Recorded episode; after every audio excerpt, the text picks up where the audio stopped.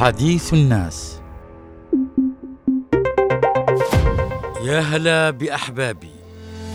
آه والله صحيح يا إخواني لما يتعكر مزاج الإنسان من صبح الله يكون عليه اليوم يمر كله تعاسة في تعاسة. هذا ما حصل لصاحبي. كنت أنا وهو قبل قليل طبعا وحالته مش ريضة ومتضجر سألته قلت له مالك يا صاحبي اليوم؟ حالك مش عاجبنا.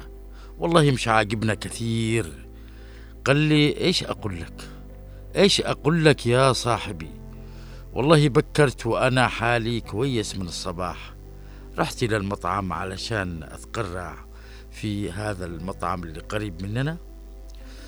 وجلست طبعا وزكنت على مكان فاصوليا مع الشاي إلا وأربعة. أربعة وهم أربعة من دول الأفارقة اللي يسموهم الأورمو. واحد على يساري والثاني على يميني واثنين قدامي. وأول ما جاب لي المباشر الأكل إلا وأشوف عيونهم علي تقول إلا أسود بات هجوم علي. وشعرت حين بضيق ضيق وضجر.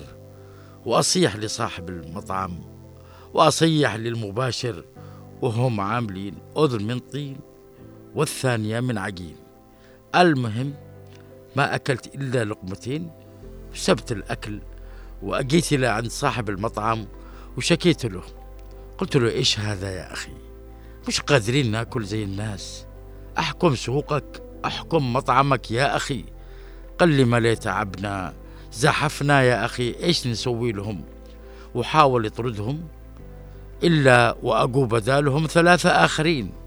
المهم شليت نفسي وخرجت من المطعم وقال صاحبي طبعا في هذه الحالة وأنا حالتي حالة. رديت عليه قلت له يا أخي دول الأورمو لازم تعمل لهم الجهات المعنية حل. والله لازم تعمل لهم حل يا إخواني. الأورمو دول انتشروا مؤخرا بشكل كبير. كبير جدا. وهم والله شوفوهم يشكلوا خطر على فكرة. يشكلوا خطر على عدن مالكم. دول من يوم ما بدأت الحرب في 2015 في عدن وهم معشعشين. معشعشين فيها بل ويزدادوا يوم عن يوم. والله ما ندريش إيش الخاتمة معهم بصراحة. ما ندريش إيش الخاتمة مع دول الأورمو. أكيد يا إخواني أنتم شفتوهم. وتتضايقوا زيكم زينا. زي أي مواطن تتضايقوا منهم. دول انتشروا بكثرة في كل مديريات عدن.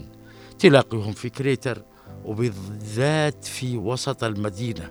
وفي الشيخ عثمان في دار سعد. وتلاقي انتشارهم على شكل مجموعات في الأسواق والأحياء والشوارع. والغريب إن بعض أصحاب المطاعم يشغلوهم وهم مش عارفين إيش اللي وراهم.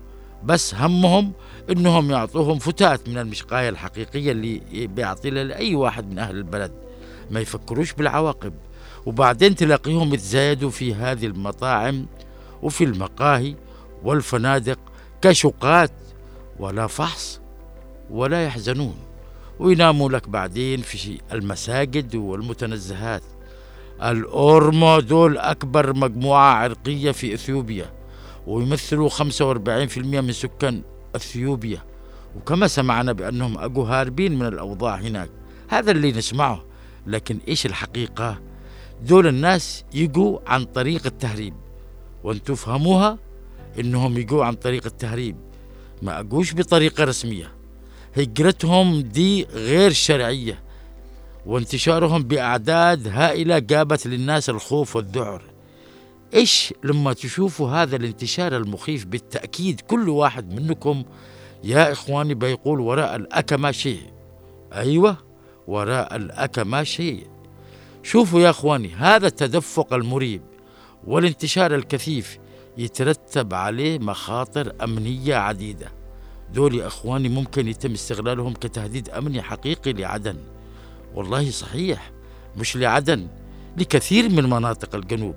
يعني لابد من التنبه لهذه الظاهرة بل على الجهات المعنية أن تتخذ إجراءات صارمة لإنهاء ظاهرة تدفق الأفارقة خاصة دول الأورمو والبحث عن سبل بالتنسيق مع منظمة الهجرة الدولية لترحيلهم من خارج الجنوب ككل مش من عدن وبس لا ترحيلهم كليا ولا يبقى واحد منهم.